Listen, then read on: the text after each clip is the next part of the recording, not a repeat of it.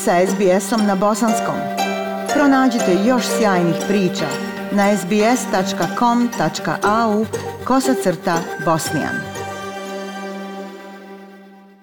Početkom sedmice nas je iznenadila i neizmjerno obradovala vijest da je novoizabrani lider Vijeća za izbjeglice Australije, The Refugee Council of Australia, postala Jasmina Bajraktarević Hajvard, porijeklom iz Bosne i Hercegovine. Jasmina je prije 30 godina došla u Australiju kao izbjeglica iz Bosne i Hercegovine, a u 40-godišnjoj historiji postojanja Australskog vijeća za izbjeglice po prvi put je na čelu te organizacije osoba sa proživljenim izbjegličkim iskustvom – po prvi put je to žena i prvi put je to bosanka. Eto nam trostruke radosti Jasmina. Primite moje čestitke od srca i naravno srdačna dobrodošlica u program SBS radija na bosanskom jeziku. Hvala puno Ajše i hvala na dobrodošlici. Vjerujem da se bosansko-hercegovačka zajednica širom Australije raduje vašem uspjehu. Recite nam kako se vi osjećate, kakvi su utisci?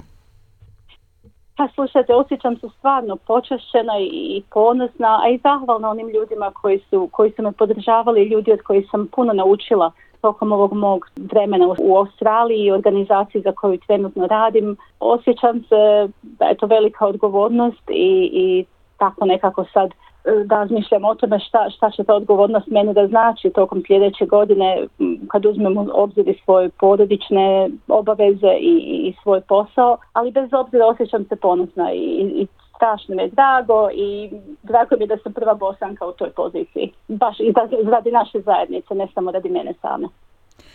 Jasmina, već dugi niz godina vi radite kao socijalni radnik i koordinator društvenih usluga u službi za tretman i rehabilitaciju preživjelih od torture i traume, skraćeno START u Novom Južnom Velsu. Možete li nam reći nešto više o svom radu? Vaša karijera je od samih početaka vezana za izbjeglištvo, zar ne? Jeste, jeste. Kad sam došla u Australiju negdje šest mjeseci nakon, nakon što sam se ovdje našla, dobila sam svoj prvi posao u startu i radila sam kao savjetnica i socijalni radnik za ljude s našeg govornog područja. To je tako nekih šest godina bilo i vjerujem da ovaj vaši sluša, slušalci ovdje iz Novog Južnog Velsa, mnogi me vjerojatno znaju, oni koji su tada došli kao izbjeglice. Poslije toga sam radila kao vođa jednog tima koji je pomagao um, ovim Albancima koji su došli sa Kosova kad je bio ona operacija Safe Haven i kad su bili smješteni u raznim vojnim objektima u Australiji. To sam neko vrijeme radila dok, dok oni nisu bili poslati nazad i nakon toga sam počela ovoj poziciji, to je od 2000, znači neki preko 20 godina. A moj tim je bio tako nekih šest ljudi kad sam počela i sad imam negdje oko 80 do, do 100, zavisi ja kako računam ove koji su casual.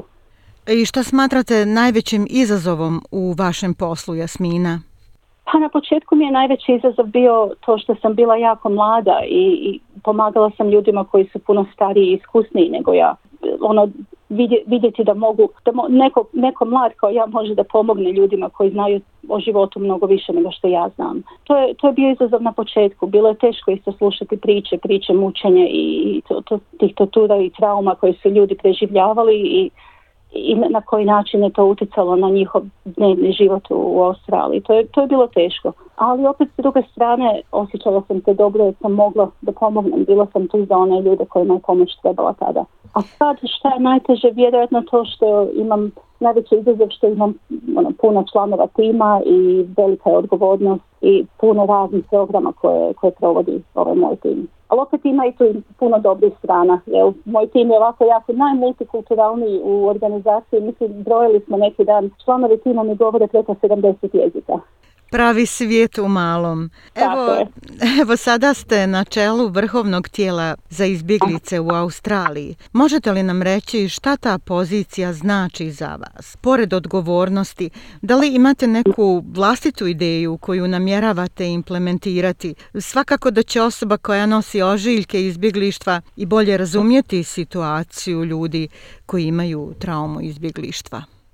Pa slušajte, ima, ima to razumijevanje, ali ima i više, više ne samo razumijevanje, nego tako kad ljudi prežive teške stvari i vidjela sam to i oni, u onim ljudima kojim sam pomogla, a i u sebi samoj, da, da nekako nas to čini i snalažljivijim i čini nas jačim i, i, i u neku ruku i sposobnijim i motivisanim da postignemo nešto u životu. Nakon što čovjek sve izgubi i kad treba ponovo da gradi novi život, to ima, ne, ima ta jedna motivacija koja nas tjera da radimo i i da budemo najbolji u tome što radimo. Znači ima to je jedna, jedna stvar koju, koju ljudi sa izbjegličkim porijeklom mogu da doprinesu organizacijama kao što je Refugee Council. A osim toga nije to naše izbjegličko iskustvo nije ono što nas definiše kao, kao ličnosti, kao osobe.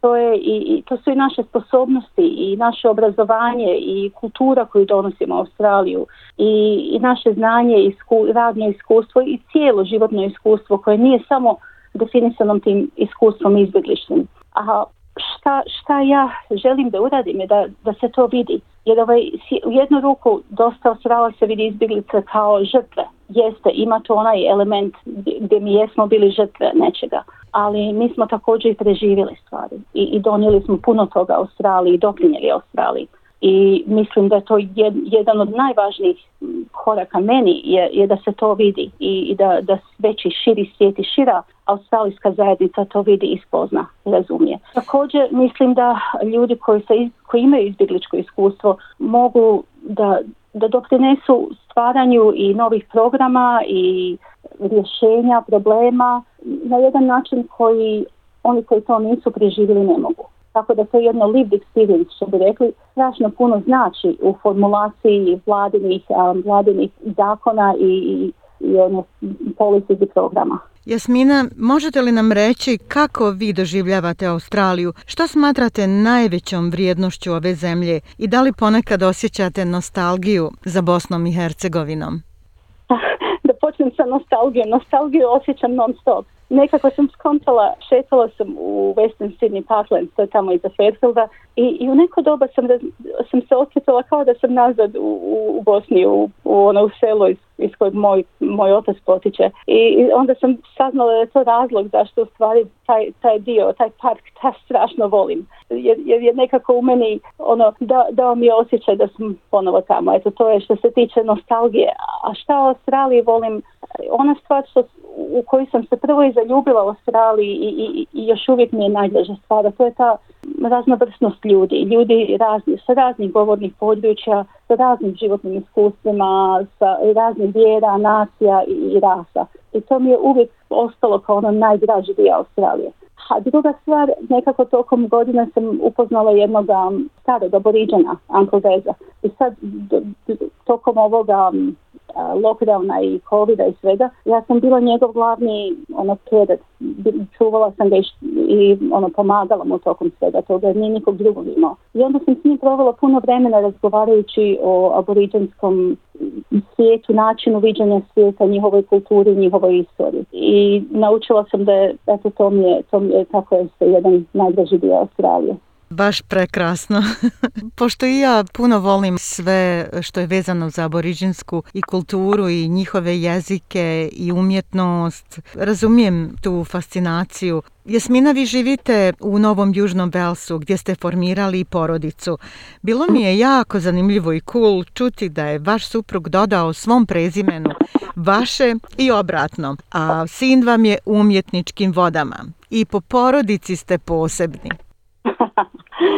pa valjda, valjda, slušaj, kad, je, kad, smo se, kad smo se vjenčali, ja sam mužu rekla da ja svoje prezime ne dam, pošto sam bosanka i uvijek ću to biti. I meni je moje prezime strašno važno bilo, pošto ima tu duža istorija. I onda je on rekao, pa eto, ako ti svoje nećeš da mijenjaš, hajde da mi dodamo, ja ću dodat, ja ću dodat svoje i ti dodaj moje i tako ćemo onda, tako ćemo živjeti. I ja sam se naravno složila s tim i, i bila sam mu jako zahvalna jer, jer razumiju šta meni moje prezime znači i, i moje porijeklo i, moja kultura. I, I, on je ono uzeo to kao, kao njegovu kulturu u principu. A jedino što je bilo ovako čudno kad mi je sin krenuo u školu, pa kad su ga pitali, kad, hajde daj spelu ime i prezime. Kad počne Bajraktarević, evo nikad završiti. Plus onda su ga na kraju samo zvali imenom, pošto ovaj, nijedan, nijedan od njegovih učitelja u školi nikad nije mogao cijelo ime da, da izgovori. Odustali su od prezimena za mene skroz. A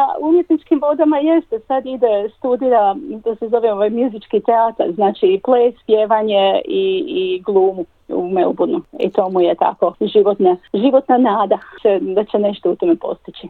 Vjerujemo da hoće, ako bude barem dijelić na mamu.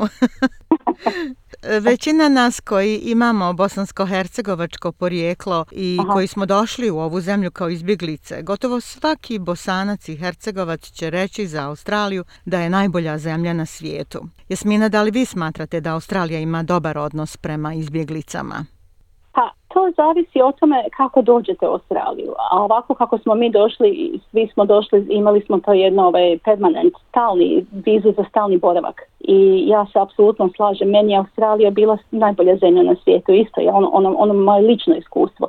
Ali ove, ovaj, ljudi koji dođu u Australiju i traže azil, politički azil, znači oni koji su došli brodom, koji nisu uspjeli da dobiju stalnu vizu i, i koji su ovdje na tim nekim privremenim vizama koji ne mogu svoju porodicu da dovedu u Australiju, koji ne mogu da osvade razna prava uključujući zapošljavanje i studiranje, za njih mm, Australija vjerojatno nije najbolja zemlja na svijetu. Oni koji su na Manus Island i, koji su bili na Nauru, ni za njih tako to nije bilo. Nažalost imamo tako neki dvostruki način rada sa izbjeglicama ili, ili razpoznavanje izbjeglištva. Oni koji kao mi, Bos, Bosanci i Hercegovci, koji su došli i imali su tu stalnu vizu, prema nama je Australija fantastična, nema bolje zemlje na svijetu. A eto ova druga grupa izbjeglica nije toliko sretna kao što smo mi.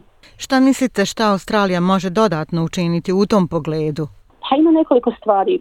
Prvo, ovaj, eto, svi znamo što se dešava u Afganistanu. Jedna stvar koju Australija može da uradi je da, da podigne broj izbjeglica iz Afganistana, kad, su ovi, kad, je, kad je konflikt u Iraku i Siriji počeo, mi smo doveli nekih 12.000 dodatnih izbjeglica. A um, kad, kad se rat u Bosni i Hercegovini desio, Australija imala specijalnu um, kategoriju za nas koji smo došli odatle. Tako da mislim da bi trebalo da, da podigne broj, broj mjesta za, za ljude iz Afganistana. Druga stvar koja bi trebalo da uradi je da ovaj, ima, ima tih ljudi na tim privremenim vizama, ne znam, nekih 27.000 čini mi se, koji još uvijek čekaju da dobiju stalnost. I bez te stalnosti, bez te stalne vize ne mogu da dovedu porodice ovdje u Australiju.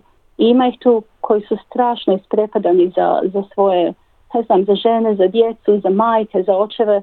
Zvao me jedan čovjek iz, iz Afganistana, kaže ovaj, njegova mama, starija žena, ona je bila uspjela da dođe na taj aerodrom u Kabulu, ali kako je starija, ona je zaspala, i zadnji avion je otišao i ona je ostala u tom hangaru sjedeći sama. I mislim, to mi je toliko tužno bilo, jer ona i vizu imala odebrene i sve, ali se tako nekako zaboravili staviti na taj, na taj avion. Tako da ovaj, taj bol koji, koji ljudi iz Afganistana sad doživljavaju, bosanci i hercegovci sigurno razumiju jer mi smo, i mi smo preživljavali bol i, i brigu za članove porodice tokom rata. Um, znači, ono što bi trebalo napraviti da se, da se tim ljudima da stalna viza da mogu da dovedu svoje porodice ovdje u Australiju. Pa eto, nadajmo se da će to tako i biti. Jasmina, da li postoji neki prioritet kojim se namjeravate posebno posvetiti u vašem budućem radu? Eto, Ajša, pričala sam o tome kako, kako znam da ovaj, ljudi sa, sa izbjegličkim porijeklom, sa tim ranama izbjeglištva imaju jednu ono snagu i razumijevanje života i svijeta koju ovi ljudi koji to nisu, koji su ovdje rođeni možda ne razumiju. Tako da je ono što, čem, čemu ću se ja posvetiti je da, da ljudi sa izbjegličkim iskustvom imaju utjecaj, da dobiju utjecaj na, na sve odluke um, koje vlada donosi koje se njih tiču. Znači, ono na, engleskom bi to bilo nothing about us without us. Ništa o nama bez nas. I, i mislim da meni, meni je to jedno od najvažnijih, um, najvažnijih ono, agendi ili, ili ciljeva da, da postignem dok sam u tom, na tom mjestu. Jel? Tako da ja nisam ni prva, jesam prva, ali neću da budem jedina koja je, koja je u toj poziciji također. Želim da, da tako nastavi i da, da podignemo broj ljudi sa izbjegličkim iskustvom u komitetu ovoga dječja za izbjeglice. Nadam se da ćete i vjerujem da ćete to uspjeti. A šta biste poručili ljudima bosansko-hercegovačke zajednice u Australiji i svim našim slušaocima? Razmišljao sam o tome Ajša i, i kontam, eto sad smo izašli na, na drugu stranu te pandemije i, i lockdowna i svega, svega što su ljudi preživjeli i hoću da kažem da eto time što smo preživjeli izbjegličko iskustvo i, i time što smo preživjeli taj rat i, sve te teške stvari, rekao prije, imamo, imamo snagu i razumijevanje života koje nam daju sposobnost da se nosimo sa puno stvari koje, koje život da pred nas, pred nas postavi. Tako što želim da poručim je nastavite ono kako možete, nastavite, ostanite pozitivni, um, nađite prijatelje, povežite se, se sa svojim prijateljima, Um, eto, ako sad možemo da izađemo, slušajte muziku, nadam se da će neki od naših muzičara bosanskih skoro nazad u Australiju, Amira Međunjanin i, ovaj Božo Vreća. Uživajte, uživajte u tom životu i, ono, prihvatite i svoju, svoju snagu i svoju sposobnost da se nosite sa, eto, sa bilo čime što život pred, pred vas postavi. Jasmina, hvala vam od srca i na ovom razgovoru i divnoj poruci. Želim vam puno uspjeha u novoj poziciji, u daljem radu, kao i zdravlje i sreću vama i vašoj porodici. Hvala vam. Hvala vam, Ajša. SBS na Bosanskom. Podijelite naše priče preko Facebooka. Želite poslušati još ovakvih priča? Slušajte preko Apple podcasta, Google podcasta, Spotify ili kako god da primate svoje podcastove.